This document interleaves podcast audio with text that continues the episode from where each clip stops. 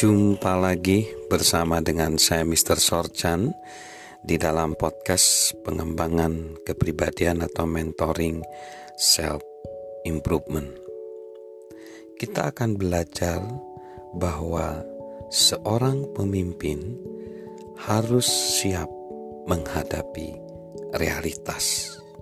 Seorang pemimpin yang bertanggung jawab, seorang pemimpin yang baik harus siap untuk menghadapi realitas.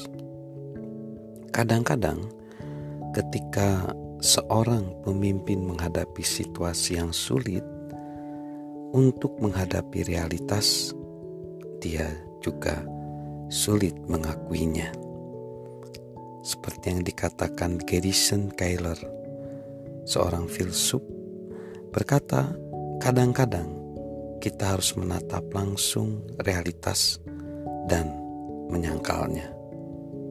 Sulit untuk menghadapi realitas ketika realitas itu tidak sesuai dengan harapan. Misalnya, seperti seorang yang harus mengalami kebangkrutan di dalam perusahaannya. Perusahaannya merugi dan betul-betul mengakibatkan hutang yang bertumpuk, dan semakin besar tanggung jawab yang harus dia lakukan. Hal seperti ini sungguh-sungguh menguji daripada karakter pemimpin tersebut.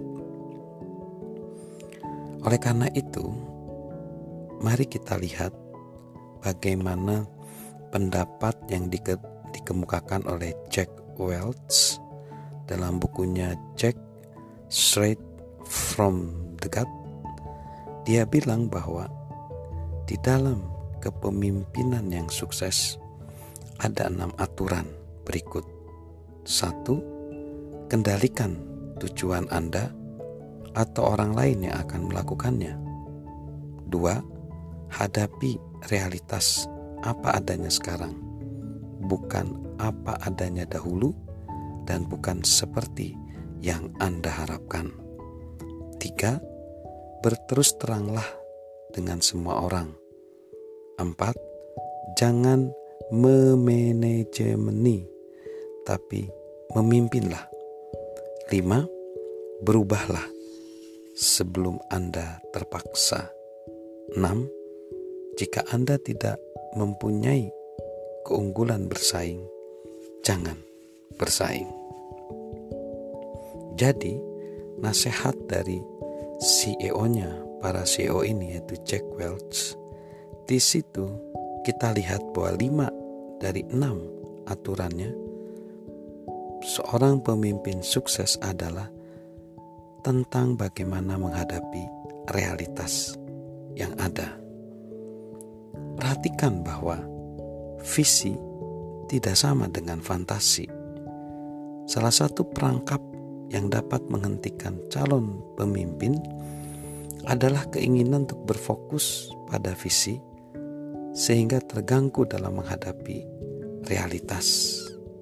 Bill Isum, Direktur dan Mitra Manajemen Senior dari Yasam, Bendy and Associate menegaskan, pemimpin yang realistis cukup objektif untuk meminimumkan ilusi mereka mengerti bahwa penyesatan diri sendiri dapat mengorbankan visi mereka.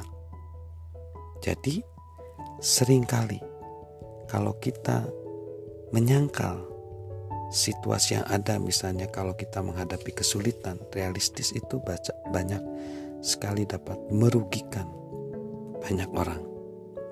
Maka orang yang realistis dia akan melihat situasinya apakah ini lebih buruk daripada yang kita kira. Prosesnya ini biasanya memerlukan lebih lama daripada yang kita kira dan harganya ini selalu lebih mahal daripada yang kita kira. Untuk mengecek sebuah realitas ya Peter Drucker dalam Managing in Turbulent Times mengatakan Masa pergorakan adalah masa yang berbahaya. tetapi bahayanya, bahayanya yang terbesar adalah godaan untuk menyangkal realitas.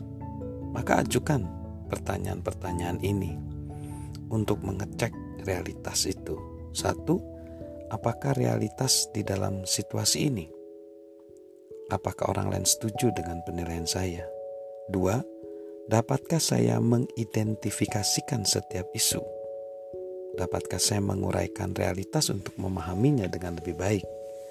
Tiga, dapatkah isu tersebut diperbaiki? Pisahkan yang dapat ditaati dan yang tidak dapat yang dapat diatasi dan yang tidak dapat diatasi. Empat, apa sajakah pilihannya?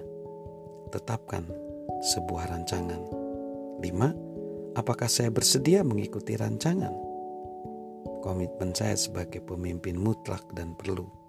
Dan yang keenam, apakah tim kepemimpinan saya mengikuti rancangan tersebut? Pertanyaan-pertanyaan itu akan memaksa kita melihat isu-isu secara realitas. Salam sukses, salam kepemimpinan dari saya, Mr. Sorjan.